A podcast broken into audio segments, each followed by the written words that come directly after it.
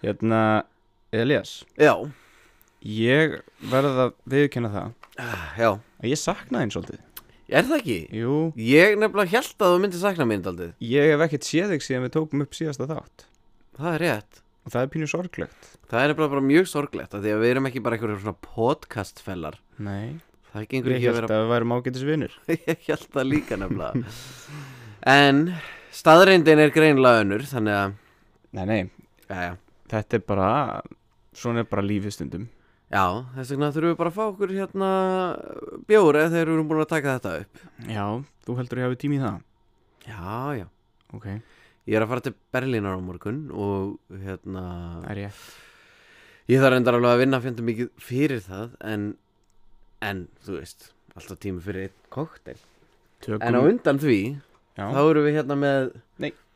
óáfinga Svona þar sem við erum að taka þetta upp svona snemma degi til já, klukkan er bara rétt um hátegi Já, Hvað erum við með hérna? ég kom hérna með tvær útgáfur Mm. Einn er Krombacher Weisen Mm. sem ég veit ekki hvort við hefum prófað áður Ég hef smakað hann allavega Og síðan er hérna óáfingur bóli eða 2,25% Ah, very nice mm Og þú tekur hann Ég skal taka hann, já og ég tek hérna Weisen Krombache Krombacher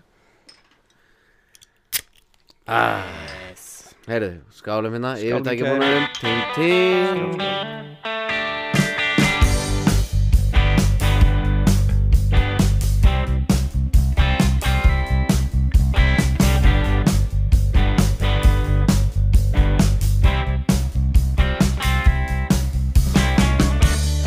Ég hef ekki að skapta að hérna byggja um að færa hann aðeins af því við vorum með gest hérna í síðan þetta Já þannig að nú erum við svolítið svona settir upp eins og við séum að tala við eitthvað annan og við tveir erum ekki að snúa að hver öðrum Ég Við er erum að horfa á þig Þú ert að horfa á mig og ég er að horfa beint fram Já en ef ég svona eh, tvista mér aðeins þá held ég að séum bara báður góðir Bara byrja um að gera þetta því að þú veist að ég er að fara að edita þennan þátt Já Hérna Það reyna að hafa eins mikið af auka hljóðum í þessum þætti og Jú Gott, gott, gott hægt er Já Þessi bóli er bara ágætur Já það er ekki bara mm Ekki eins góður og venjulegu bóli Nei, ég var nefnilega að frétta að ástæðan fyrir því að þessir eh, svona fjöldaframleitu stóru bjórar eins og Heineken og Stella og þessi bjórar þú veist, eru svona góðir óafengir er vegna þess að tækjabúnaðurinn sem að þarf til að gera góðan óafengan bjór er svo ridiculously dýr Já að það er bara ekki hægt að fá hann að tækjabúnað, ég held að hann sé ekki til hérna á Íslandi að því að hann kostar bara, þú veist, miljard dollara eða eitthvað, þannig bara eitthvað svona insanity shit, sko. Ég hérna ok, kannski ekki miljard dólar en, en þú veist hvað ég meina Já, þ- sko, hérna, Borgbrukhús gerir hérna, nei, ekki Borg, er Borg með bríó? Já. Já, ok. Já, Borgbrukhús er nefnilega með einhverja tvær mismunandi aðferðir til að gera óáfengu bjórana sína Nú, ok og það var bara aðeins of langt síðan ég var að hlusta þeir voru að tala um þetta í hérna hlaðvarpinu uh, Draugar Fortíðar. Já, Þeir eru náttúrulega með spáns frá þeim, já, já, sem já. við erum ekki. ok Já, já. Það er sletta skýrinu sem eiga Já, já, já, já. En einhver er nú einkoman En, hérna, en þeir tóku um þessa umræðu sko og þeir, þeir spjall alltaf alltaf svona um bjórana í byrjun þú veist, Ok, sem Þeir svona eru betri en við, Þeir- what's já. your point Æ, Ég man ekki nákvæmlega hvernig, Já. hvernig þetta var gert en Nei, þú veist ok. þeir fóru í gegnum þessar fóru í þjálunar á þessum Já. tveimur aðferðum og, Ok, og þeir ok. voru skemmtilegar sko þannig, að, þannig að það getur vel verið að að Borg sé núna að koma með þessa aðferð Sko ég held nefnilega að það ljómaði ekkert eins og það væri með einhverja svona dýrustu græju í heimi fyrir það Það var Mm. bara, þú veist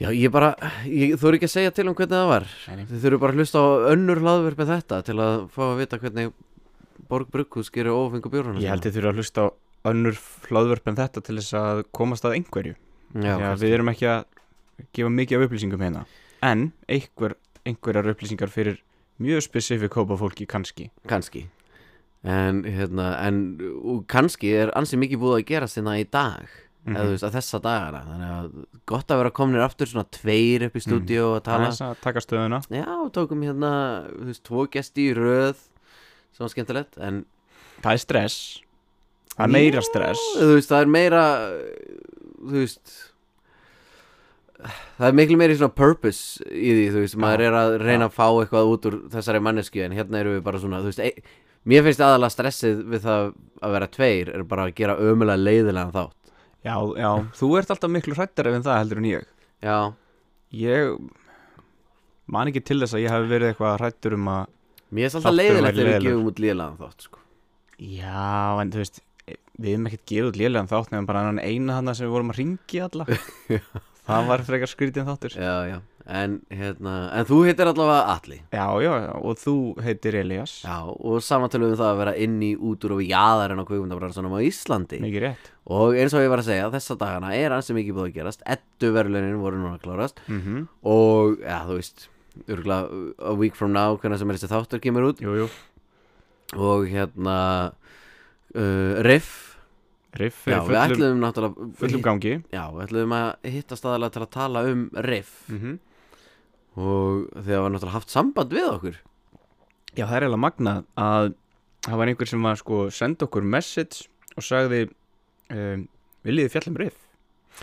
Eða ætlið þið ekki fjallum riff? Það var- Já, þetta var meira viljið svona- ekki taka viðtal við einhvern sem að er á Riff Já, fyrst var þetta samt svona ætlið þið ekki að fjallum riff Já, Þú veist, Það var svona hei Þú veist, Já, svolítið hey, svona hei, jú. eru þið ekki svona þáttur? Ætlið þið ekki að gera svona þátt þátt um, um Riff um okkur? Ætluðu ekki Já. að auglýsa okkur Pretty much Mhm. Og við eh, bara svöruðum um hæl og sögum jú, bara endilega uh, Já, því ég held að við myndum fá passa og eitthvað svona þannig dæmi Já, já, já, það hefði verið eh, mjög næs Ég veist um að ég myndi ha hafa tíma til að fara þó ég hefði feng fengið passa Nei. En það sem við fengum hins vegar var yfirlit yfir svona þessar helstu íslensku myndir og svo grenjuðum við líka út skrínera Já, á það einhverjar af var nú þessum myndum. ekkert eh, Það var nú ekkert væl, sko Þú, þú sagði bara hérna eitthvað, þú veist að við tökum oftast ekkert viðtöl en, en leiðu okkur að sjá eitthvað og það senduðu Já. okkur hérna skrínara sem að hendaði mér mjög vel að því ég var rúmleikjandi veikur í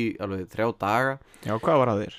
uh, Ég fekk bara ógeisla hálsbólgu Ok, og var bara veikur út frá því bara einhver flensa Það Ha? er eitthvað að ganga, sko er eitthvað, er eitthvað Það ganga? er eitthvað að ganga Ok Og, hérna, Ekki COVID? Nei, Maður er, ekki COVID svona, maður er orðin svo, hérna, desensitized að maður heldur bara að sé ekki til neirir aðri sjúkdómar heldur en COVID Já, akkurat, ég fór Þannig að náttúrulega þeir- beint í test sko. Þannig að þegar eitthvað leggst í flensu þá er maður bara svona Hæ? What? Er það Já. ennþá þeng? Já, Allir með grímur og eitthvað Já, en... en hérna, en þannig ég horfði á eða Ég byrjaði allavega á öllu sem að þau senda okkur Já, ok Og við, hérna- kannski, við kannski förum betur í saumana á því Já, við fyrir maður spytur Eftir í smá. sem að það Og hérna En síðan fór ég reyndar á eitthvað á, á riff sko Eða hef farið, það er náttúrulega ennþá í gangi mm. Og hérna, sá hérna Debbie Harry Já, með hérna, tónlistamindina sína Blondi, okay. Viva eða Ha- Havana já, og það var bara svona stutt uh, skemmtileg hérna, heimildarmynd um það mm um það ferðalag og síðan kemur hérna, kom hérna alveg eitt vandræðilegasta Q&A sem að ég hef farið á í alvegni Já, það var reikalegt sko Með henni, eða? Já, eða þú veist ekki, ekki út af henni Nei. það, og ég, ég var mjög hissa hvað þetta var reyndar slæmt Q&A af því að hérna það var mjög mjög professional fólk sem að vera að halda utanum þetta það var Bergur Eppi og Andrea Jónsdóttir já, já, já en það, ég held að þau myndu nú örglega alveg vera að sammála mér því að þetta var mjög vandræðilegt Af hverju var þetta vandralegt?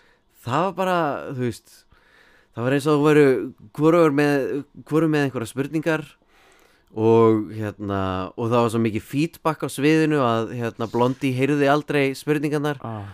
sem betur fyrir var leikstjórinn hann og hann var ógeðslega svona ungur og skemmtilegur og hann Já. var alltaf svona að relaya spurningarnar til hennar og, og hann var svona helt lífinu gangandi daldið Ok, og hérna og þú veist, og eins og riff er oft því miður, þú veist, Mm. ef það gerist eitthvað svona, það er, það er ekkert lagað nei, nei, nei það er bara svona, Þa, það, það er bara þetta Q&A ömurlegt já, það er bara þú veist, Einmitt. það bara byrjar svona og það heldur bara svona áfram Einmitt, einmitt og þú veist, það hef feedbackið hefði nú alveg lagað eitthvað af því að þau- af því að þau voru alltaf að spyrja spurninga hún svona, hvað segiru, ég heyri ekki neitt og hún svona, nei, ég Æ, þetta var nú kannski ekkert svo góð spurning svo Æ, sem og- ó, en leiðilegt það var svona uh, þannig pæling Emmitt, sem Já. svona dró, dró sig- fólk dró sér í hlið eftir, eftir að hafa eh, svona byggt upp kjarkin til að spyrja spurningarinnar og svo er hún bara eitthvað, ég heyri eitt hvort að segja og þá svona, eh, nei, ég, þetta var svo sem mikið Já, en síðan var þetta reynda gott þegar að, hérna, þegar þú fóru að fá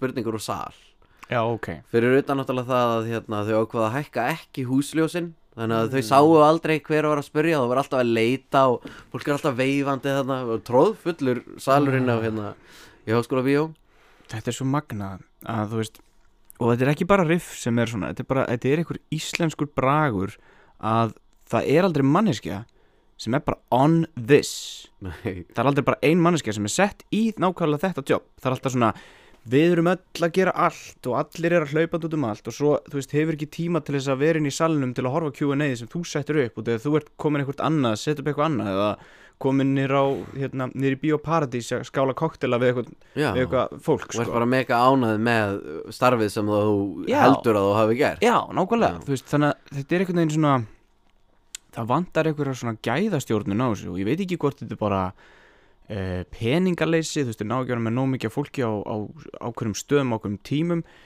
eða hvort þetta er bara svona gamla íslenska að þetta reddast Já, og þú veist, séu að líka á það er að þau voru með sko annað Q&A við Jóakim Tríjar mm -hmm.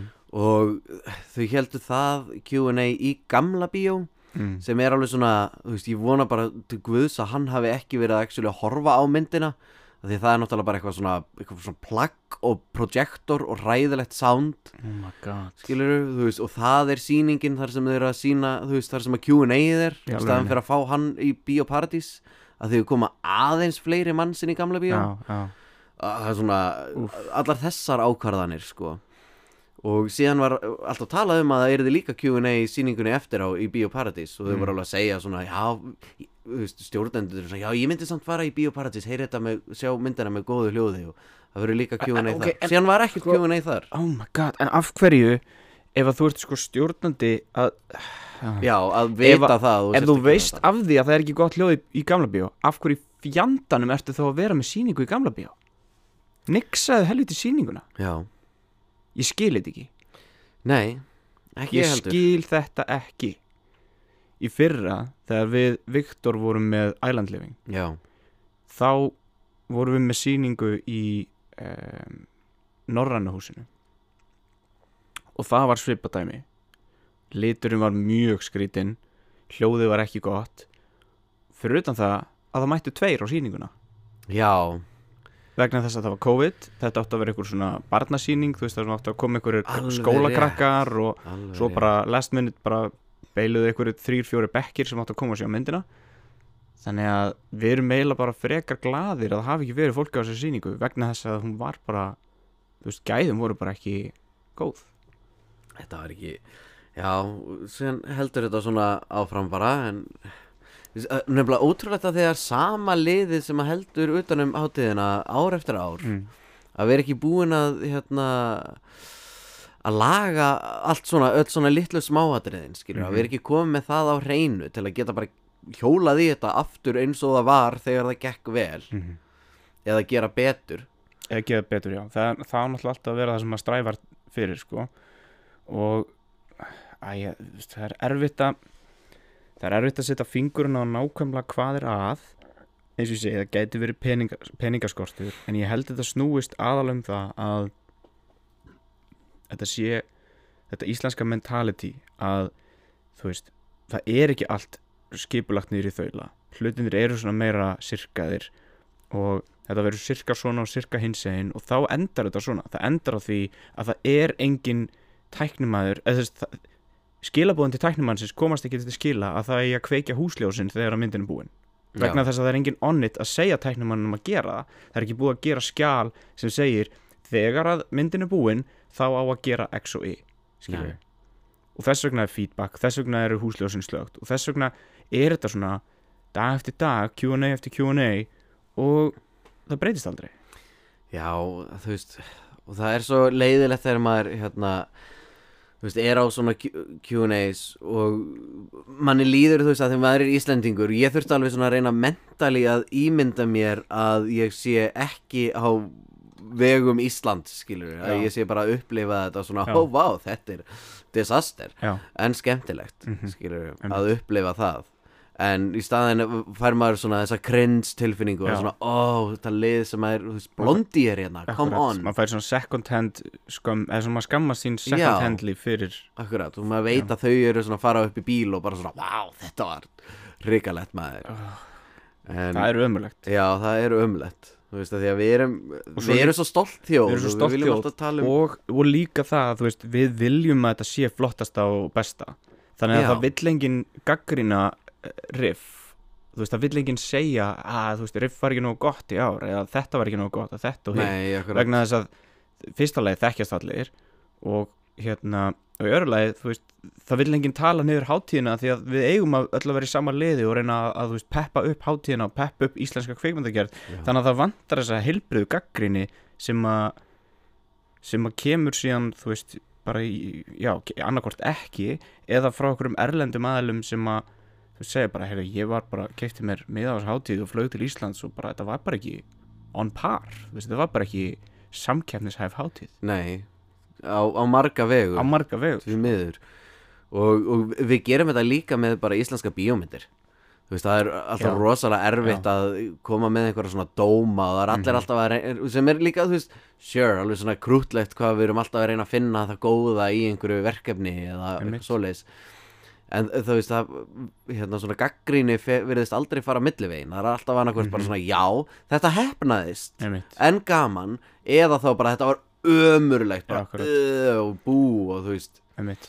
sem er ekki heilbreytt heldur Nei, akkurat og þú veist, það er svo mikill það er svo fundamentali mikill munur á því hvað fólk segir ofinberlega um íslenskt efni og hvað fólk talar um á kaffistofunni já, þú veist, ég hef alveg heyrt alveg hræðilega hluti um fullt af íslensku efni en maður sér það aldrei í e, gaggrinni eða fjölmilum vegna þess að það eru bara svo ógísla fáir sem að þóra take, take the stage og gaggrina eitthvað af, af verðleikum Já. sko.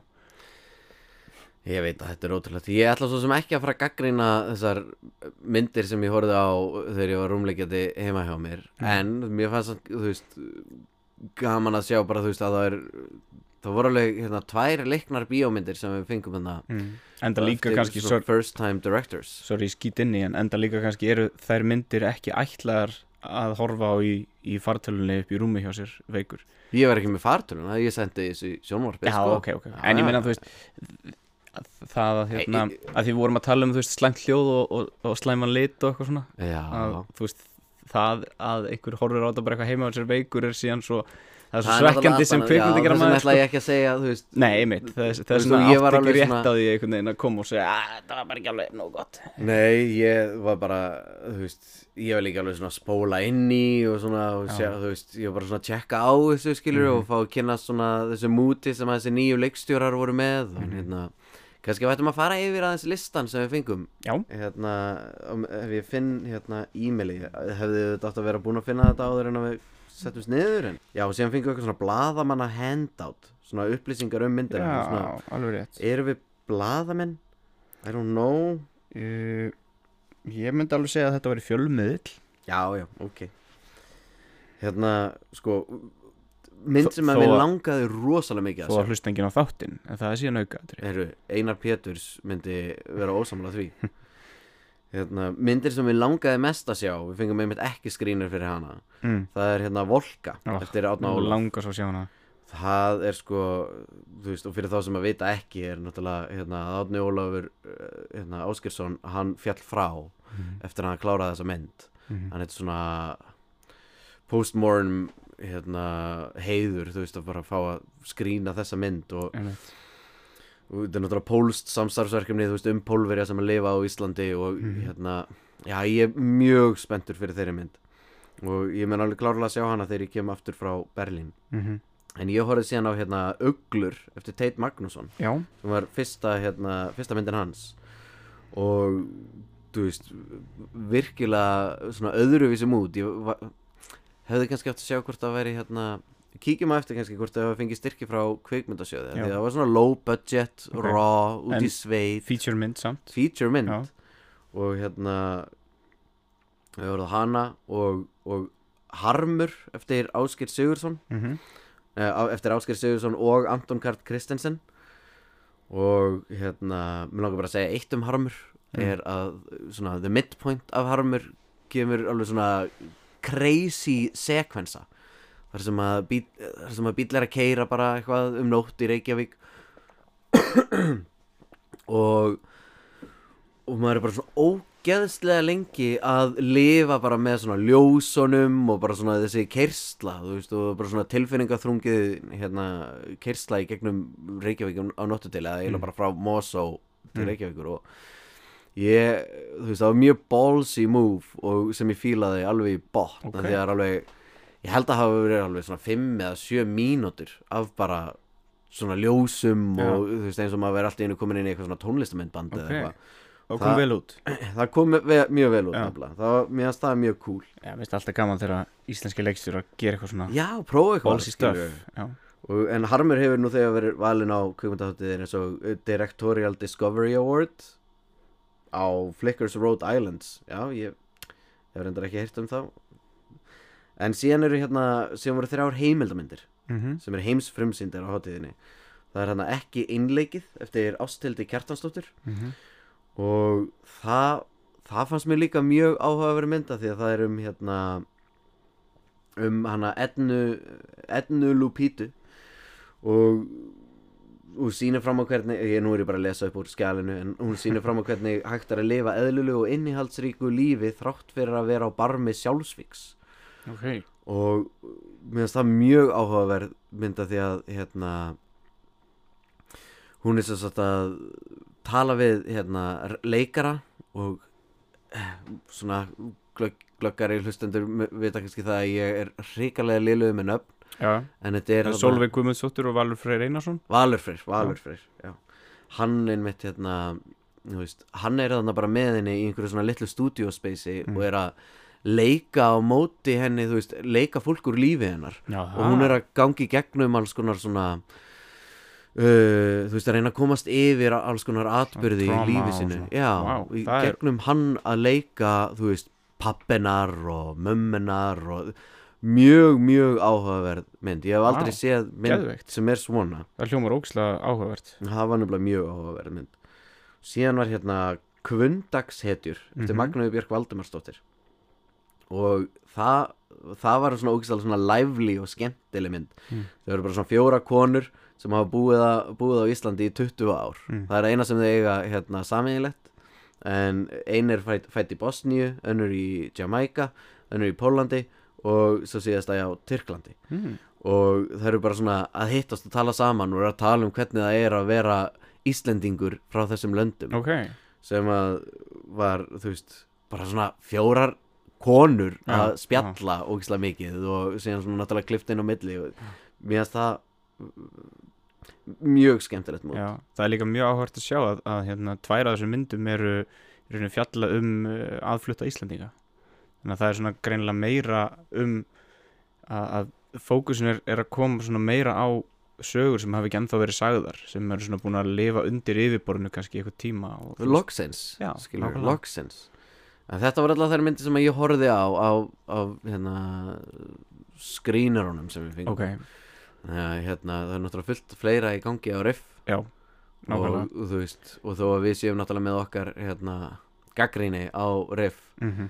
þá þú veist, ég vona bara að þau byrja að gera þú veist, sýningarnar meira professional og betri af því að þetta er frábær vettvangur Mhm. ég, ég er ógeðslega spenntur líka fyrir hérna Industry Days og mér langar að sjá meira út úr þessum Industry Days, svona eins og Mhm. það sem að við vorum að reyna að gera með Reykjavík Creative Hub já, þú veist að búa til svona hebb, skilur það sem einmitt, fólk er að einmitt. kynnast heldur að þú komist eitthvað á Industry Days? Sko, ég bara er, hef held ég aldrei verið meira busy eins og ég er akkurat núna, þessa dagana. Já, hvað ert að gera? Ég er sem sagt, eins og glöggir hlustendu vita, er í mastersnámi Já, já, og það er bara svona baselineið og svo allt ofan á það, þú veist, er bara alls konar hlutir. máttu segja Já, til dæmis náttúrulega bara öll mín verkefni, allt sem ég er að framlega. Við Já. vorum að hérna, klára chef til partí, stuðmyndina sem ég gerði í fyrra. Hún er tilbúin og við erum búin að senda hana á, á fyrsta festivalu okkar. yes, til Mhm. hamingju Thank you very nice. og fagnaður þeim Sigri? um, Ég á eftir að fagna þeim sigri en við ætlum að reyna að vera með Cast og Crew skrýningu núna í, í lok oktober geggjað og hérna það er uh, planið að síðan, sínana í, í Lörusbjó vonandi fá við að gera það aftur við gerum það líka með Island Living sem var geðvett næs bara að vera með stóran sal með geggiðu hljóði og Já. bara þú veist, fullt af fólki sem kemst þannig að komist ekki eins margi síðast út af, út af dollu en, en núna er engar takmarkanir þannig að við ættum að geta haldið gott partí geggjað um, svo er já, svo er ég bara með nokkur önnur verkefni í, í pípunum stöf sem ég er að gera, þú veist eins og hérna, veit ég hvort ég talaði um það í senasta þetta en, en jú, við töluðum aðeins um proof of concept já, já það talaði um, um hérna, proof of concept sem ég er að gera fyrir seríu sem ég er að þróa það er þetta prófkann sem þú varst að tala við ninnu uh, Pálma já, já, líklega uh, nei, það, sem að þið voru að skjóta saman nei, það var þið annað, voru að það skjóta var saman. annað já, já, ég er ekki að framlega það, ég er bara, já. nei, nei, nei ég er bara að leika í því ok Just an actor just an Já, actor ég er bara að vinna hérna um, og svo fekk ég núna jobb með, með Hero Productions sem ég er búin að vera í núna uh, síðustu viku og mun vera í svona uh, hér og þar í gegnum allan mánuðin og, og bara meira sér fram í november sko mm -hmm. og ég má lítið tala um það en það er mjög skemmtilegt verkefni já, og hérna svona margþætt að því að þetta er svona eiginlega uh, á þess að, á þess að gefa ofur mikið upp þá er þetta bæði sko í rauninni þetta er bæði svona live útsending og svo eru líka uh, svona einslög sem við erum að gera þú veist, sem er alveg stór framleysla og bara ógæslega gaman og ég er að, ég er að koordinita það já sem að er hérna first fyrir mig já, þú er aldrei kornið þetta neitt svona stórt áður ég er bara aldrei koordinita á já, ég, jésus þú veist, jú, jú, það var kannski í köllu þá var ég, var ég kannski koordinator in name en, en þú veist, ég var með einhverja sjömanna deildi eða eitthvað, skilur, Já, ég, í já. einhverjum plates tökum bara út á, Akkurat. út, út á að söndum. kera bíla bara Já, í raunni, en neða, þú veist, svo sem ekkert, ekkert coordination needed, þannig séð, ekki nefnum bara að mæta hér og borða þarna, en að núna erum við alveg með reysa krú, við erum með, þú veist, eh, já, 60 pluss manna krú um, á þessum tveimur stöðum annars vegar á þessum útsendingastað og, og hins vegar á e, í þessu stúdíu sem við erum að skjóta í og það er bara brjálaður skóli sko já, bara ógislega gaman, ógislega mikið fjör og brjálega að gera og maður er bara að læra fullt sko. bara að drukna að synda já, nákvæmlega nákvæmlega skemmtilegt maður mm en ég hlakka til að geta að tala meir um það þegar að, að það klárast Það er já, svona- þetta meðan það- kemur allt út eða Já, svona meðan það er í gangi þá kannski er, er illa séð að fara eitthvað í þaula í Já, það, já, en, en auðvitað. þegar það er búið þá, þá skiptir eitthvað máli. það er svona, þú veist bara þeir sem að vita af stóra Hero Productions verkefninu í dag Mm. þú veist, það er það Já. en hérna já, kræsmar, já, ég er einmitt bara að reyna að klára alls konar hluti til að þurfa að vinna sem minnst á meðan ég er erlendis Mm. en ég var alveg út í tvær vikur svona daldi slæm tímasetning það er allt Mhm. einhvern veginn að byrja gerast og svona Einmitt. en hérna en já, maður er bara búin að vera þú veist, ég talaði um held ég í senast að þar senast að þetta eitthvað um að ég var á 12. viku að býða eftir KMI, Mm. fekk lóksir svar frá þeim Jæja. og það var hérna og það var neitun, Ah. Oh. já já en það var sérst fyrir þess að kvikmynd annar handreita styrkur bara fyrir kvikmynd og ég og bæ, bæði ég og leikstjórin höfum bara aldrei verið jafn confident um þetta verkefni og núna uh, þrátt fyrir þessa neitun Það sýnir bara það að, þú veist, það skiptir ekki máli hversu gott þú heldur þetta sé. Það er alltaf, þetta er alltaf álið þriðja aðla. Já, og, Og- mér og- langaði líka bara að tala um aðeins, þú veist, fyrir þá sem að eru í þeirri stöðu að sækjum og allt svona, því að Mhm. ég, þú veist, þetta er svona stórt, ambitious verkefni, þessi kvikmynd og svona sögulega séð er hún ambitious og hérna, og það var einmitt það sem að þau voru að segja í þessu, hérna, í umsögninni, umsögninni, Já. bara það að þetta væri of ambitious og þau trúðu ekki, þú veist, þau vildu bara fá bara beat by beat nákvæmlega hvernig ég ætlaði að gera þetta og meðan Mm. ég skrifaði meira treatmentið út frá þessari tilfinningu sem ég langar að ná og ég held að, ég held að það væri rosalega góð leið til að hérna, útskýra myndina væri bara, þú veist að segja í treatmentinu hvað mig langaði að fá, hvað mér langaði að sjá hvað, hvaða tilfinningum mér langaði að finna og meðan ég væri að svona eins og maður væri að horfa á myndina án þess að nákvæmlega segja þessi saga fer nákvæmlega þessa leið einmitt. og eitthvað svoleiðis og en það var greinilega ekki náð, þau vildu bara fá beat by beat sem var sem er mjög leiðilegt af því að það er alveg svona leiðilegasta skjalið til að Mm. skrifa er bara svona paint by numbers Mm. svona þú veist, það, þetta er nákvæmlega það sem að gerist hérna tala þessir tveir um mm. þetta vandamál sem er svona alveg dreftu mig Mm. writing Alveg. og, hérna, og þá í einhver svona synopsis formi eða? já, akkurat og bara eitthvað 20 blað sína skjálum um Já. nákvæmlega 10 til 15 en ég Já. endaði reynda með að gera 20 blaðsina skjálum þú veist bara um tilfinninguna Mhm. og þú veist og jú jú aðeins um söguna en, Já. en, en allavega þá þú veist þannig að eina sem að þetta þessi neitun breytir fyrir mér þú veist fólk sem að færi neitun þau viti það að þau fá þess að tvo valmöguleika annarkvort að hitta hérna umsækna aðilan mm og ræða það eða þá bara sækjum aftur Já, en það er sem og, að og voru það jafnvel þá geta fengið nýjan umsagnar að þau vilja Já, þú þarft að sækja sérstaklega eftir því Já, en þú hefur rétt að þessum sko Já, Ég þú hef hefur rétt gert að því Ég hef gert það líka mm. Fyrir einmitt þetta verkefni Við Já, fengum já, neitun í alveg fyrsta rétt. skipti Ég held meiri sem við höfum skipt úr sama umsagnaræðila Við tveir, ég held það Já, Áhugavert, áhugavert mm Notorious person. En, en, en þetta sýnir bara það, svart og hvítu að það er alveg sama hvað þú ert frjór og ert að gera nýja og skemmtilega og spennandi hluti ef þú sendir þetta á uh, þú veist, stopnun sem að vinnur einmitt eftir paint by numbers fyrirkomulagi þú veist, þeir fara og taka kerfislega og brjóta niður það sem þú ert búin að gera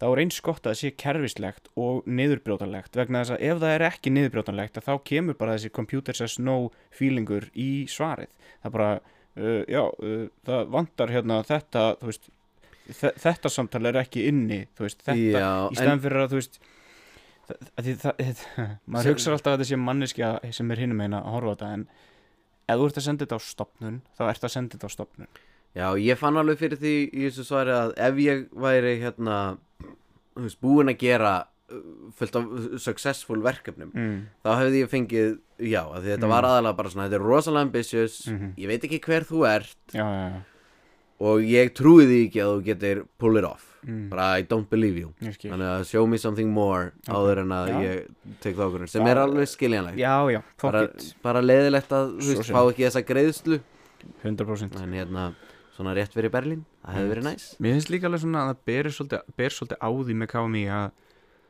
að hérna þeir eru farnar að horfa svolítið langt á undan sér og ég tók eftir því við seinustu neitununa sem að við fengum fyrir einmitt þetta sem ég var að gera proof of concept fyrir um daginn áður en ég gerði proof of concept reyndar að þá fengum við svona neitun einfallega vegna þess að um, handritsöfundurinn hefur sko sagt það í umsókninni að hann er langið til að leikstýra og þá var neitunin byggð á því að hún er ekki með nóg mikla reynslu til að leikstýra en við vorum þó bara að þetta sé handrið við vorum að sækja um handriðstyrk Já. þú veist, númer tvö Þú Já. veist, við erum ekki að sækja um handriðstyrk númer þrjú þar sem við erum svo að fara í framleyslu og taka, taka, taka þú veist, bara, við erum bara ennþá að skrifa þetta give us a break, skilur við og það er required að segja þú veist, hver er að tatst sem leikstjóri og akkurat núna er engin annar að tatst sem leikstjóri nema hún getur vel verið að koma einhver annar leikstjóri en líka setna meir til að leikstjóri svo líka því þetta er seria, skilur já, en að byggja neitununa á því að hugsanlega einhver tíman down the line að þá sé hún ekki með nómikla reynslu til að gera það sem hún segist alltaf að gera er svona, ok, en getum við ekki bara fókusa á þetta sem við erum að gera núna ég fengi þessa neitun líka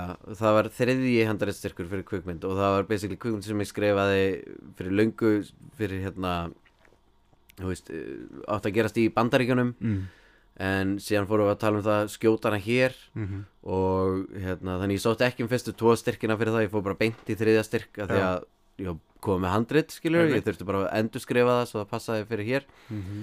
og þá voru þið einmitt líka að tala um leikstjóran Já, já, og við svona, þú veist, við fengum jákvæða umsók, Mhm. umsók en samt neitun mm -hmm. þar sem við varum að segja, hérna, leikstjóri væri ekki Nógu hérna, nógu reyndur já, og það var svona, ó, ok, uh, taktu þá bara þetta nafn út úr umsókninni já. ó, ok, og þá fengum við Já, já, já. þá fengum Wow, við, já, wow, wow, ég- öll ljós eru græn núna bjóst ekki við að þe- þetta væri hægt bara. Einmitt, einmitt. Og, og það er bara málið þú veist, það er, þeir setja upp þessar hérna, hindranir og maður þarf einhvern veginn svolítið að svona fara í kringum sannleikan til að komast yfir þær þú veist, maður er einhvern veginn svona, já, uh, engar áhugjur hérna, Elisabeth Rólandsdóttir er að fara að klippa myndin okkar, þá bara, ó, ok, frábært geggja, gerum Þá þetta er þetta hægt sko. auðvitað er Elisabeth Rónaldsdóttir ekki að fara að klippa verkefni okkar, skilur þú veist, hún, jú, jú, hún getur alveg sett, sett hérna undirskriftina sína við umsóknina eða hjálpar henni en let's face it, þú veist þa- þetta er ekki að fara, þetta er ekki raunveruleikin, skilur en maður þarf einhvern veginn að Það er ennþá í þróun beila sig í kringum raunveruleikan til að búa til eitthvað svona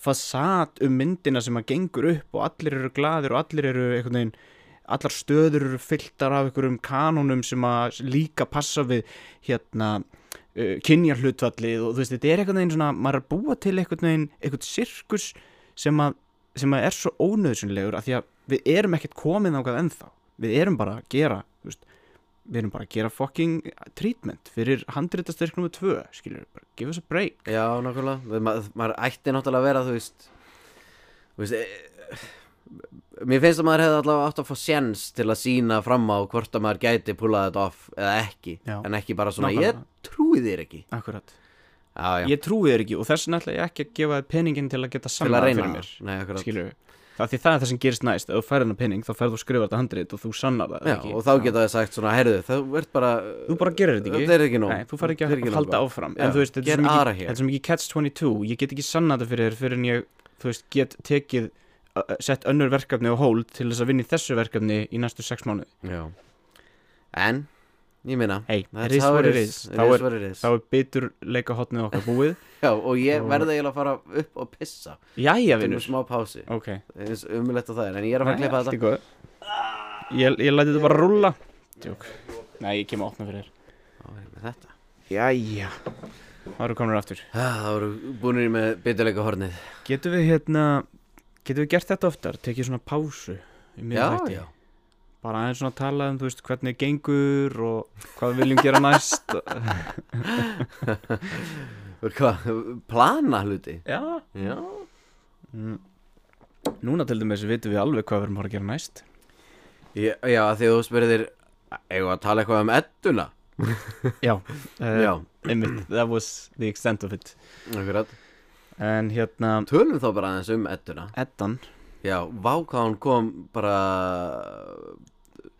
Þú veist, Hún svona lættist upp á okkur. Lættist upp Já, á mér já, hún Ég, gerði það, ég hérna eiginlega hefði ekki vitað af henni nema að ég hefði mitt rekist á átnagest og uh, félag okkar og hann sagði hérna, sagði, ætlar ekki að horfa á Edduna og ég svona, að, Eddan, býtu, hvað er hún núna eitthvað, og hann eitthvað, já horfa á Edduna Og ég eitthvað, ok og svo bara vann hann, já, hann vann fyrir hérna brellur já ekki, fyrir bestu brellur hérna Ísalög eða 2020, Já, Thin Ice Thin Ice, já Þessi- já, það hétt, working title var 2020 20, 20, og síðan, já, verið breytt í hérna, Thin Ice og Ísalög, akkurat og mér var svo gaman hérna að uh, hún Vala Kristín sem er hérna æskuvinguna mín og er náttúrulega ein af handrutsöfundum og aðal, þú veist, ein af aðalegkonunum í Venjulegt Venjulegt fólk já og hún postaði mitt á Facebook þegar að tilnefningarnar komu mm.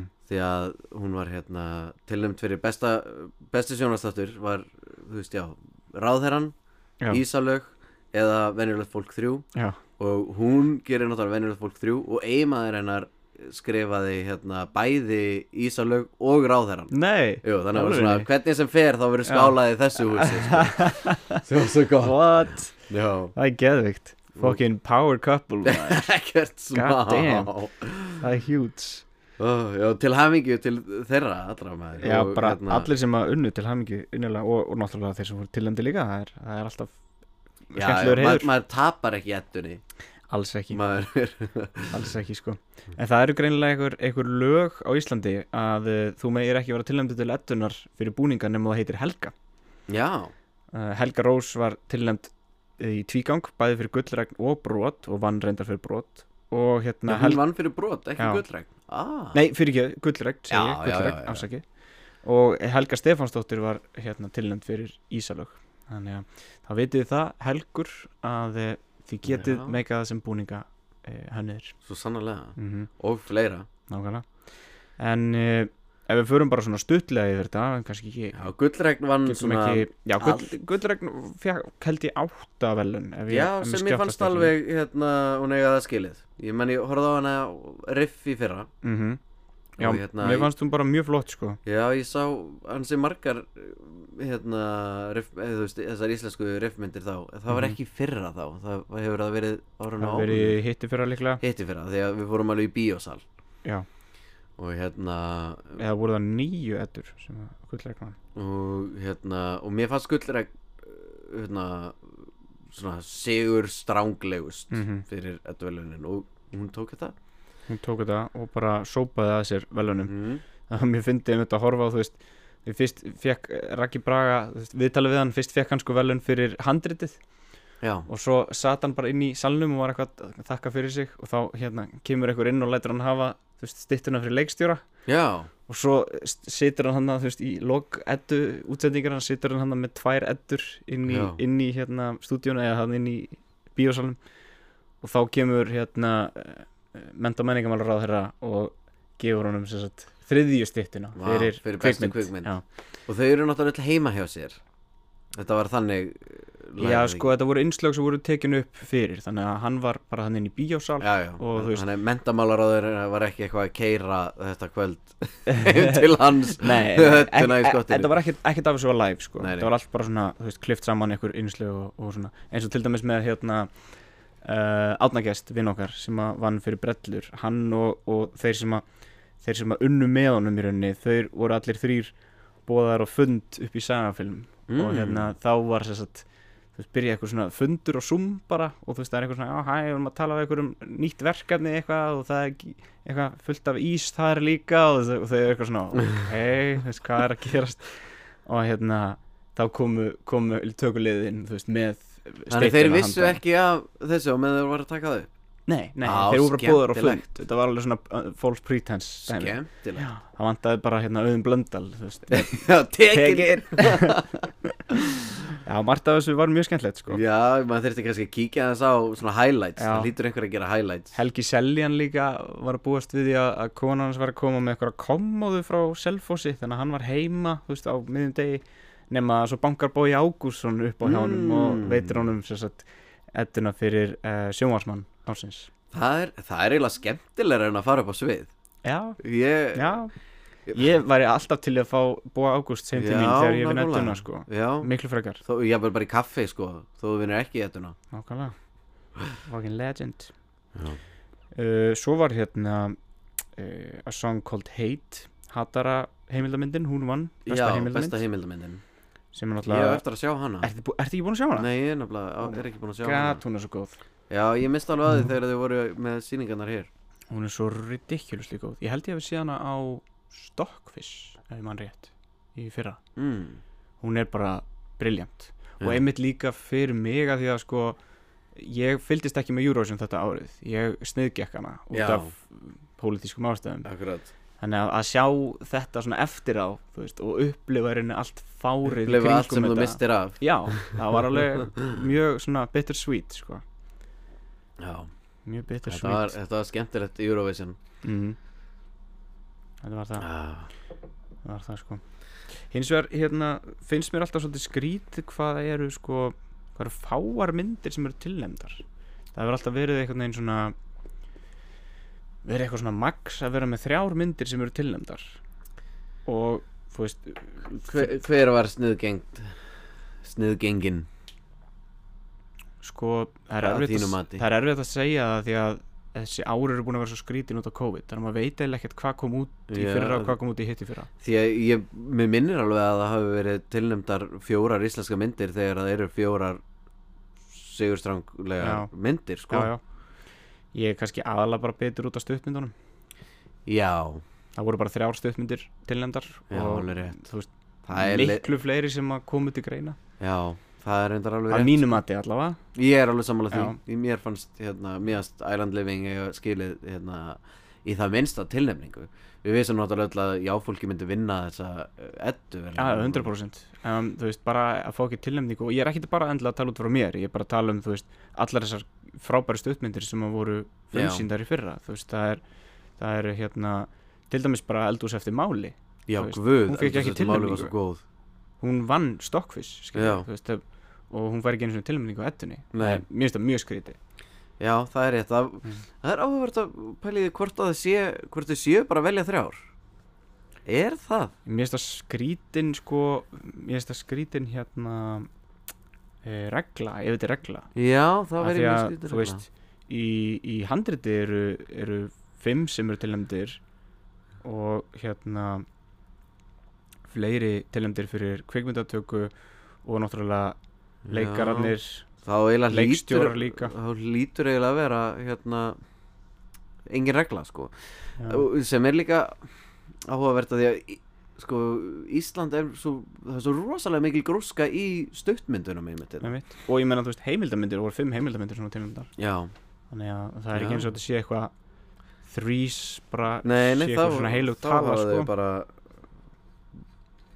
já, bara valið þessar þrjár Mhm. apparently það er bara, það er bara svo leiðis þá er það bara þannig en hérna veist þú hvernig það er með þú veist edduvelin eins og þegar að hérna þegar það er einhver þrýr sem að vinna saman Mhm, þú veist eins og með átnægjast fá, fá þeir þrjár stittur Þú veist, Eh. eða er bara ein stitta sem að þeir þurfa síðan að velja hver fara að eiga stittuna ég veit það ekki Nei. um, en það var náttúrulega ef einhver veit svarið af því sem er að hlusta þá mig endilega hérna senda á okkur já, yfirleitt, yfirleitt er það bara fyrirtæki, eða framleyslu fyrirtæki sem fær að halda henni Já, en ekki ef þú ert, þú veist Þú veist, þú veist eh, til dæmis ef það eru tveir sem er að eh, leikstýra saman eins og hérna þegar að kýttu á hérna brot til, tilnæmninguna fyrir Mhm. bestu leikstjórn eru það Mhm. ekki allir leikstjórnir tilnæmdir sem að leikstýruð brot uh, jú já, þú veist það eru hvað, þrýri leikstjórar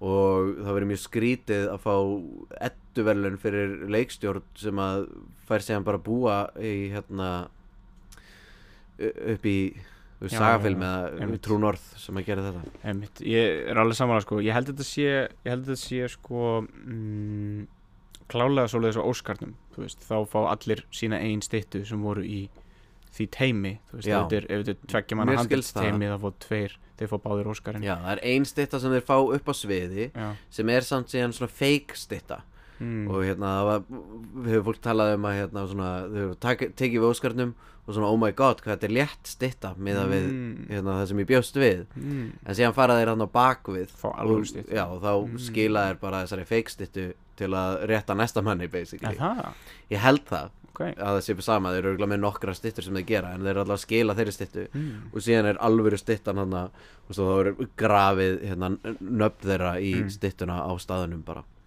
áhugavert ég myndi halda að það væri bara einn stytta fyrir hvert flokk sko Já. hér, kemur alltaf óvart ef þú væri eitthvað að prenta eitthvað þrjár, fjóra styttur fyrir hvert flokk sko mm. af því að þetta er örugglega alveg dýrt við skulum bara Gera Mm. komast að því og, og segja hvernig þetta er í, hérna, í næsta þætti let's do it já. eitthvað meira á mettuna sem við viljum uh, nei, ég bara hlakka til að hlakka til að sjá hana í live action með Já, fólki næsta ári. næsta ári. já, bara mæta aftur Já. Já Það er reyndar hérna er- er ekki múin að segja frá því þegar að við þegar óróið var tilnæmt til þetta verðlunum ég var að fara að segja þess að sögu og hérna Æ, ég, þú veist, já, ég mæta hana þú varst náttúrulega, náttúrulega ekki í húsum hæfur á þessum tíma Greinlega ekki Ég, náttúrulega bara býst við, þú veist, edduverlunin, come on Þú veist, það er- hlýtur að vera eitthvað svona fútt í þessu, frítt Mm. vín og eitthvað svona open bar, Opin bar, að sjálfsögðu, Nákvæmlega. edduverlunin come on, we're in the big leagues Já, og síðan er hérna eitthvað svona s- eitthvað borð með hérna, þú veist 50 vinglösum á Já. allt bendir til þess að það sé helvitis opin bar já, já. og ég tek eitt vinglas og færið góðan og gúlsópa er með góðan sopa og hún og s- stelpan hann svona, já, afsikið það eru 1600 krónur Já. og ég held að hún sé að djóka Já. og ég segi og le- labba í burtu og held áfram að drekka og hún hérna eldir mig inn og pikkar í mig og svona afsækið það eru 1600 krónur og á þessu tíma þá hérna átti ég ekki snjallsíma og ég var ekki með veskið mitt Já. þannig ég gæti ekki hérna borgað neitt fyrir það og ég bara svona já fyrirgefðu og skila bara svona glasinu og ég man að það var einhverju leikstjóri þarna sem að s- skelli hló sem að, gerði, þarna, sem að þú þekkir hann gerði hérna gauragang með þér Gunnar, já, já, já, Gunnar Björn já, já, já. já. Og bara hann skelli hló þarna og ég svona Jesus, já ok og síðan situr maður þarna bara svona í, í fílu Já, að horfa á edduverilunni sem að þau hljóta nú að vera búin að breyta eddunni held ég eitthvað síðan þá þau, þetta var rosalega langdrein sýning manni já þetta er En alveg hérna- þryggja tíma dæmi eða eitthvað sko Já, ég, ég, ég hef aldrei mætt eftir það sko Nei, Þeir hafa ekkert viljað fá mig aftur það er ekki, skrítið Skrítið, það hefur ekki verið bara settur á permanent gestalista hérna. Nákvæmlega uh, Já, en, það eru 600 krónur en Vel eru- gert. Eitt um riff Ég, ég mætti líka á hérna uh, Eitt flokkin af uh, hérna, s- íslensku stuttmyndunum Já, Þegar hérna, ég fór að sjá Þessar tvær stuttmyndir sem að vinur okkar Thomas Lemarquis er í mm. Og síðan við mynd nummer tvö Þá komst ég að því að ég er með mynd á riff nú Já, þá byrjar bara hérna uh, When We Were Born me- eftir Ólaf Arnalds sem Já, að ég náttúrulega er co-writer og Alveg skrifaði með þeim en að hún Þú vissir ekkert af því, þú bara mættir á Ég, á mætti, staðinn. já, ég hafði ekki hugmynd um að ég var að fara að sjá og ég alveg svona ah, ég hef nú séð þessa en hérna En gaman já, það var alveg gaman ég er svona, ó ok, nú er ég hér af mínum forsendum Þannig ég sem held að Atli og Elias væri ekki á riff í ár En við erum á riff í ár við erum á riff í ár já, sko. já, við erum inn í bransanum í dag sko. Skál fyrir því skál fyrir því Ah. En hérna, uh, ég held við séum bara búin að ræða allt sem þarf að ræða Eitt reyndar sem ég ætla að minnast á já, Þannig að því að hérna, þið gerir svo mikið, þið gerir svo stólpa grína mér í síðasta þætti að, að eh, koma að lesa fréttir hérna í miðum, miðum þætti. Nei, það var í þar síðasta þætti, eða ekki? um, Jú, Með það henni, séast henni það Byrnu. Já, Já. Herru, ég bara... það er að lesa hérna, fleiri fréttir Ég, já, ég, ég ætla að gera það. Ok, til í það Það er að segja, í þar síðasta þætti þá, þá talaði um að Scarlett Johansson væri að fara í mál við Disney Alveg rétt, já út af hérna... Um, út af því að Disney ákvað að gefa út Black Widow á Disney Plus uh, samhliða í rauninni bíósýningum og hún hafði ekki samið um árangurstengt laun fyrir þessa útgáfi bara fyrir uh, bíósýningarnar Akkurat og uh, fyrir nokkrum dögum að þá las ég það að hún er búin að setla þessa lögsók við Disney Mm. og hann er að, að þau eru sátt það kemur reyndar ekki fram Nei, það kom ekki fram, hver, þú veist, hversu mikið, uh, hvað var nákvæmlega gert En hún fekk einhvers konar góða summu af peningum hana -hmm. Sem er hérna áhugavert að því að Disney byrjuði á því að fara bara daldi hart á móti Og Mhm. segja að hún væri bara ekki lengur hluti af Mhm. MCU og En núna eru þeir að segja svona, við getum ekki beðið eftir að gera fleiri myndir með Scarlett Johansson. og þeir sögðu líka að hún var insensitive to the global COVID pandemic Já, heppilegt að, Disney hérna, að músin hafi nú hérna, efni á því að borga henni smá já, hann er gaman Já, gaman þegar músin næra þess að punga út Leiðilegt þegar að músin, músin er vantar pening mm -hmm. En, hérna, en talandi um svona Hollywood-fréttir Það eru Mhm. hérna, tveir stóri hlutir að gerast einmitt Mm. núna Já. Eh, Hérna, uh, Ayatsi geti verið að fara í verkfall Mm Og fyrir það sem ekki vita þá er Ayatsi hérna, bara stærsta union í kvikmyndabransanum í Stétt- bandaríkjunum stjættafélag Stjættafélag mm -hmm. sem er sem sagt fyrir alla sem eru under the, uh, below the line Mm -hmm. og bara uh, alla, þess, þetta er bara svona collection of unions uh, og hérna og ef að þau fara í verkfall þá er bara allt aldrei mikið stopp Já.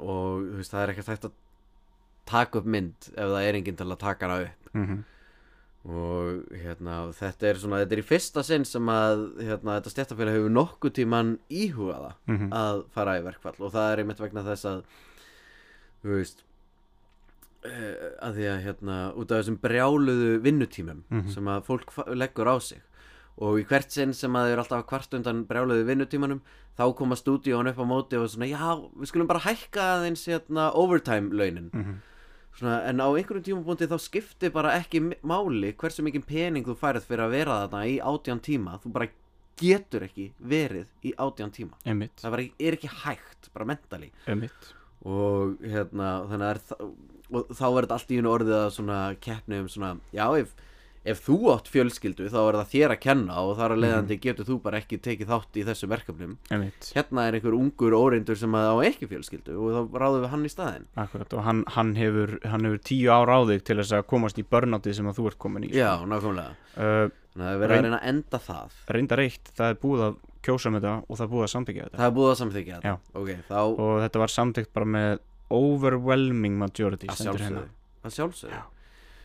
og Þannig þú veist að- að þið vita líka að þau mun aldrei fara í verkfall Nei, þetta, þetta verður alltaf settlað sko. þetta verður, þú veist, þeir En- hljóta að bara gera hvað sem þeir vilja, sko, Já. það er ekkert annað hægt Ég mæli með fyrir þá sem eru með Instagram að kíkja á IA-stories IA-stories Þar eru fullt af sögum af fólki í bransanum þar sem er að segja bara svona horrorsögur úr Já, alls konar verkefnum þar sem þú þurft að vinna þú veist, 20, 22 tíma og keira svo heim og Já, klestu bílinn sinn eða stórhættulegt. þú veist, eitthvað crazy dæmi og, og meiri sér að þú veist líka bara alls konar sko sögur úr um, úr eftirvinnsluferli þar sem að þú veist, fólk er að vinna kannski uh, rúmlega 20 tíma til þess að ná okkur um deadlines og uh, já, bara mjög svona moving að lesa þetta stöf sko mm og hérna stendur að, að hérna stendur að 98,68% hafi kosið já, 98, komma- 68 Vá. wow. mestu því 99% hafi kosið já Við höfum nú séð Ayatsi flexa smá í Já. Puerto Rico heldur betur Há, hérna, það er, við höfum oft minnst á þessa sögu sem að mun eiga sinn eigin þátt einhvern tíma síðar en, hérna, en við vorum að vinna með verkefni sem að var síðan bara algjört sham þannig í Puerto Rico og þá kom Ayatsi bara flugu inn á þyrlum og lokuðu settinu Mhm. og það, það var svo ógeðslega spennandi og skemmtilegt þú veist að fara með öllum að því við vorum náttúrulega, þó við vorum ekki í Ayatsi þá Mhm. vorum við below the line og vorum að vinna með þeim sem að eru í því hérna, stjættafélagi Einmitt. og vorum svona marching down the halls í átta skrifstofu framleiðandans já. sem er bara packing his shit þegar Já, við komum já. inn Einmitt.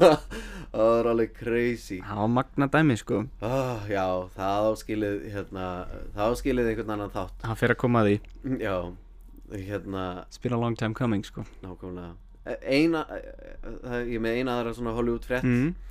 uh, CAA sem er eitt stærstu hérna, talent agencies í bandaríkjunum Mm. eða í heiminum uh, þeir voru að kaupa ICM sem er svona mini-major uh, Mm. agency ok, og eru núna orðnir þú veist, eru eiginlega ekki lengur einn af fjórum stærstu þeir eru bara núna, CAA er bara orðið eitthvað monster ok þetta verðist vera eitthvað hérna, þú veist, eins og þegar Disney kipti Fox já, þá tók maður eftir að þú veist, hinn stúdíón voru svona að horfa á hvort annað og svona, ætla þú að kaupa mig? Já. Eða, á ég að kaupa þig? Einmitt. Þú veist svona, vissi ekki alveg svona hvað er ég að gera til að keppa við músina mm.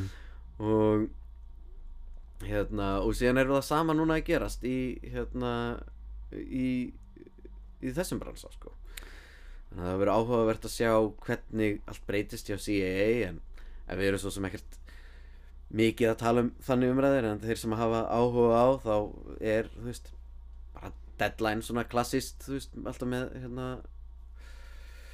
þú veist skemmtilega fréttin um allt þetta akkurat mér finnst þetta mjög spennandi sko já mér líka gaman, að, gaman að fylgjast með þessu svona á, á hliðalínunni sko akkurat En hérna ein, ein frétti viðbót sem að ég vildi minnast á til í það og uh, hún er hérna uh, svo að uh, tja það er einfallega, einfallega bara það að borgaráð er búið að samtykja að uh, setja 1,3 miljardar króna í uppbyggingu á öðru stúdiói Já, upp í- alveg rétt Guðunnesi Alveg rétt eða GN Studios sem Það er, er hjút sem er í eigu Baltasars Kormáks Mhm. uh, hann er náttúrulega komið með eitt kveikmyndaverðan upp, upp eftir Já, já sem er komið í gang og gagnið og, og bara Það er náttúrulega bara Risastórt. vantaði st- stúdíó hérna þegar allir byrjaði að koma og, mm Mhm. veist, og það heldur bara áfram að streyma inn verkefnum mm -hmm.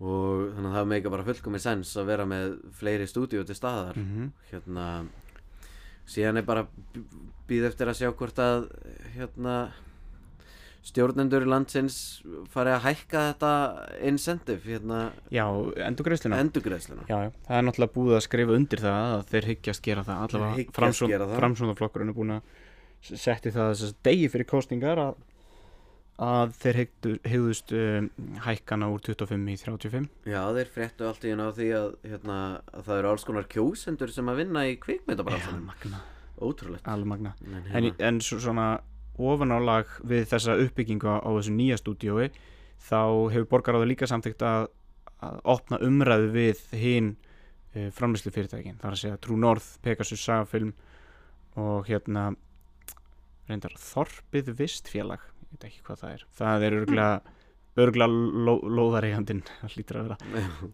um hérna sem sagt að, að uh, útluta lóðum já, í Guðunessi fyrir hérna, þeirra eigin stúdíó eða þeirra, Já. þeirra s- s- soundstage Gufunes er að fara að verða þessi draumabær sem að Baltasar sá fyrir sér og það er reiknað með 2 miljardar krónar fjárfestingu meðal annars í stóru stúdíó Heyrðu, talandi um Baltasar mm. Trúi ekki, við erum loksins með skúp Kottum með skúpi Við erum með skúp Okidoki Það er langt sér við erum með gott skúp Jæja Hérna, Sigurjón Kjartason Já. er að stíga niður Nú Já Það hérna, ég veit enn ekki hvort það sé, þú veist, ósætti hans megin eða hinu megin eða hvað Já. En hérna, en eini, hérna, s- svona stærsti sjórunner Íslands mm. Ætlar að fara einhverja aðra leið Og uh, Það verður í fyrsta sinn í mörg ár, ég veit ekki, hann hefur runnið með balta síðan bara hann hefur runnið með baltaheilingi og hann hefur runnið sem sjórunnur ennþá lengur Já Hann Já. var náttúrulega með, eh, á sagafilm með hérna, Alveg rétt hann var pressu fyrst þar, og, og já. það allt saman sko. Já. Hann var sjórunnur þar Alveg rétt En e, það er magnað Heldur það að sé bara langi að leita á unnur mið eða burnout eða hvað heldur það að sé? Um, ég ætla nú ekki að giska hér Nei, en hérna hann er samt gaman en ég meina við vitum að það, þú veist, það var all, ansi mikil keirsla þarna á milli köllu og ófærð þrjú -hmm. bara í skriftunum að því að við höfum Mhm. nú talað um það að hérna að uh, það var að því að var svo mikið síkrisi í kringum köllu til að byrja með og þegar fólk fóru loksins loksins að lesa handritin þá Mm. svona ákomu alls konar atriði upp sem að fekk teimið til að hérna fara bara í hörð endurskrif Mhm. en það var samt ekkert verið að breyta neinum tökutöfum þau bara Já. klára bara skrif, þú veist, endurskrifa alla helviti seríuna bæði áður og á meðan þeir voru í tökum Mm -hmm. og það kom náttúrulega niður á því að þetta er sama teimi og ætla að skrifa síðan ófærð þrjú Einmitt. og þá eru þau bara að taka tíma úr ófærð þrjú og í staðan fyrir að færa ófærð eitthvað aðeins Mhm. mm. setna þá he- heldust bara þeir tökudagar áfram Mhm. og ég veit ekki um, ég veit ekkert um pólitíkina þar á, mið, þar á bakvið sko. Nei. hvað, hver er ástæðan fyrir því að þið gátt ekki fært um þú veist, þrjá, fjóra mánuði Mm -hmm. en það, þú veist það myndi, allir myndi brenna út á þessu tímabili Einmitt en hvort að það sé einhver ástæðan veit ég ekki og hvort að það hafi verið hans ákvörðun eða whatever ég Mhm. bara veit það ekki en það er allavega stórt mál að sjá hérna hvert hann ætlar að fara og Virkilega. hvað hann mun gera og hérna og ég veit ekki alveg nákvæmlega hversu staðfest þetta er hvort hann sé búin að stíga niður eða það sé Mhm. verið að fara að gera það um, ég hérna þegar ég frétta á þessu fyrst þá var þetta svona voðalega low key þannig að ég ekki minnst á þetta í þessum þætti mm -hmm. en núna virtust fleiri vita af þessu svona, mm. þannig að hérna þannig að þetta virðist vera orðið allavega meira official Ok, ja. það er bara leiðilegt að heyra náttúrulega En eða, eða jákvætt skilur, það fer bara eftir hvaða leiðan hann fer, af því að það er 100% bara sko. ókislega spennandi að sjá hvað hann gerir með sinn feril, af því að hann er með svo brjálaðan feril já, hérna, klikkaða reynslu sko bara mm ótrúlegur heldur betur en hérna þá er Eh, gullkorn þá er komið að lokum í dag Já. um, ég ætla að skilja ykkur eftir með einhver uh, einhver gullkort sem að kannski verða silfurkorn í, í þetta skipti þar sem að maður er búin að vera smurður ansið þund síðustu daga Já, en uh, gullið búin að missa smá verðmæti hjá þér já, það er aðeins búið að falla í verði Já, en ég reynir svona yfirleitt að tengja þetta við eitthvað sem ég er að gera því að ég er svo sjálfhverfur ég ætla að koma með smá korn sem að svona tengist aðeins því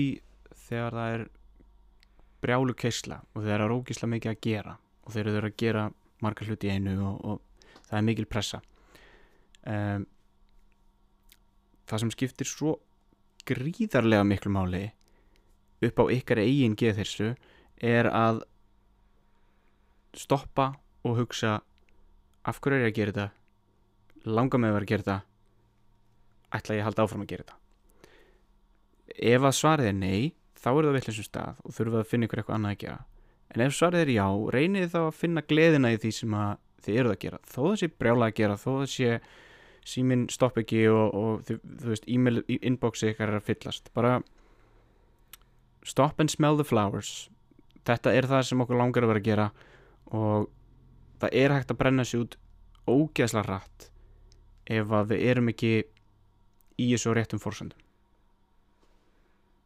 já Og þetta er það sem að þú varst að finna fyrir hérna á síðustu dögum Já, ég, Þú bara, varst að spyrja ég, sjálfa sé þig að það þessari bara, spurning. ég sé það bara strax að þeir sem eru í kringum mig sem að koma inn með uh, með neikvæðnin af opni þeir eru miklu fljótari búnir yfir daginn heldur en þeir Já. sem að koma inn og eru bara hressir og þú veist reyna að gera gott úr hlutunum þó þetta sé shit show skilur þó það sé brjála að gera og þó allt sé að hrinni sundur Já, ekki, já. ekki það, það sem ég að gerast núna en bara svona eh, takiði hlutunum með eh, ró og jafnblindi og þá endist þið miklu lengur í sem bransa Já, og allt svona stress, skilur við, þú veist, ég veit að það er úkislega leiðilegt alltaf að s- segja fólki hætt að vera svona stressaður. mm, Stressi gerir ekki neitt fyrir manna, því það er mjög erfitt fyrir fólk að Mm. hætta bara að vera stressaður. algjörlega En þú veist, það er samt, þú veist, klesjan er samt alveg sönn að, hérna, að stressið gerir ekki neitt fyrir framtíðina eða úr, útkomuna. einmitt, Það eina sem það gerir er að gera hérna, leiðina að útkominni erfiðari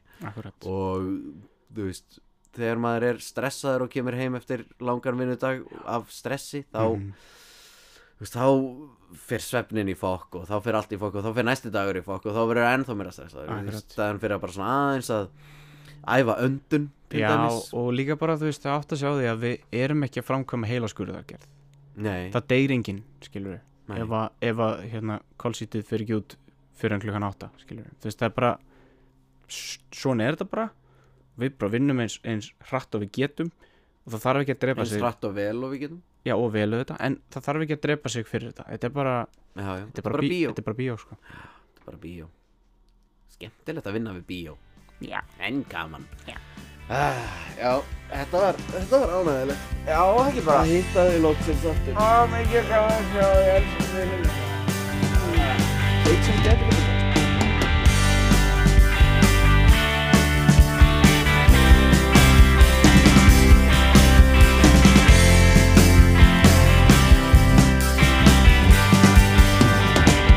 og það sem ég er að hugsa um sko bjór pælingar Já, núna við gætum farið og verslað bjór Mhm, farið heim til þín mhm. ég get klift þáttinn Mm. Mhm. og við getum skjálaði bjór